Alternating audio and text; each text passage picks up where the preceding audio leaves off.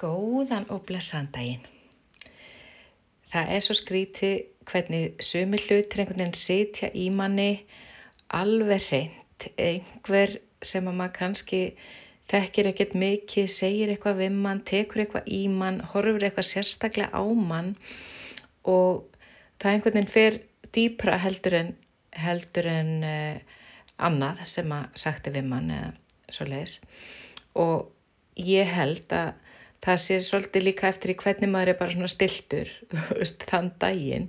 Hann geti, hann eða hún eða, það geti sagt þetta við þig uh, daginn áður eða daginn eftir og, og þú myndir ekki taka eftir því. En þegar þetta er sagt við þig á þessum stað og þessar stund að þá einhvern veginn e, hérna, ferða svona dýpra inn hjá manni. Og mér langar að segja þið frá einu svolítið skemmtilegu dæmi sem að, sem að ég hef tekið fyrir í, í morgumólum hjá mér á Instagram einhver tíman og það var þegar ég var bara að vinna á veitingastað fyrir fjölmörgum árum þegar ég var 17-18 ára gömul.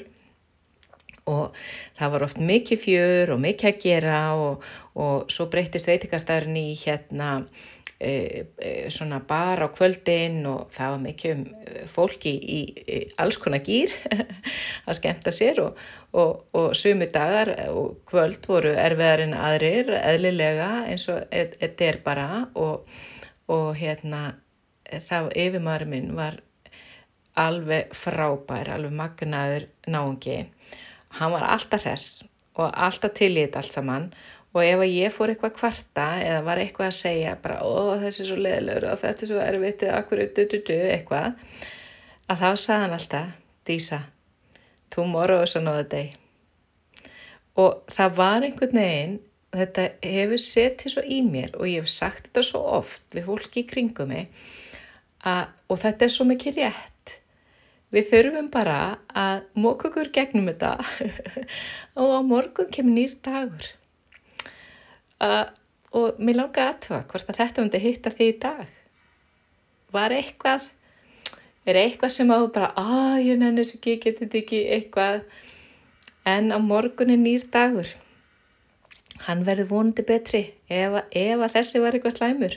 Það er svo sem alls ekkit íst en myndi þetta næst þegar að þú stendur frammi fyrir einhverju svona að þú hugsir að þú nennir ekki að boka skablin sko á morgunin nýr dagur. Nú skulum við bara fara í gegnum þetta.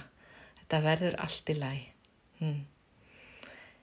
ég vona að þetta hitti vel í dag. Og ég vil segja enn og aftur bara takk innilega fyrir að hlusta. Þetta skiptir svo miklu máli fyrir okkur að velta svona hlutum fyrir okkur því að uh, svo við develjum ekki bara í develjum ekki bara í einhverjum ómúleheitum þetta er alveg magnar bara takk fyrir að vera hér heyri ég síðar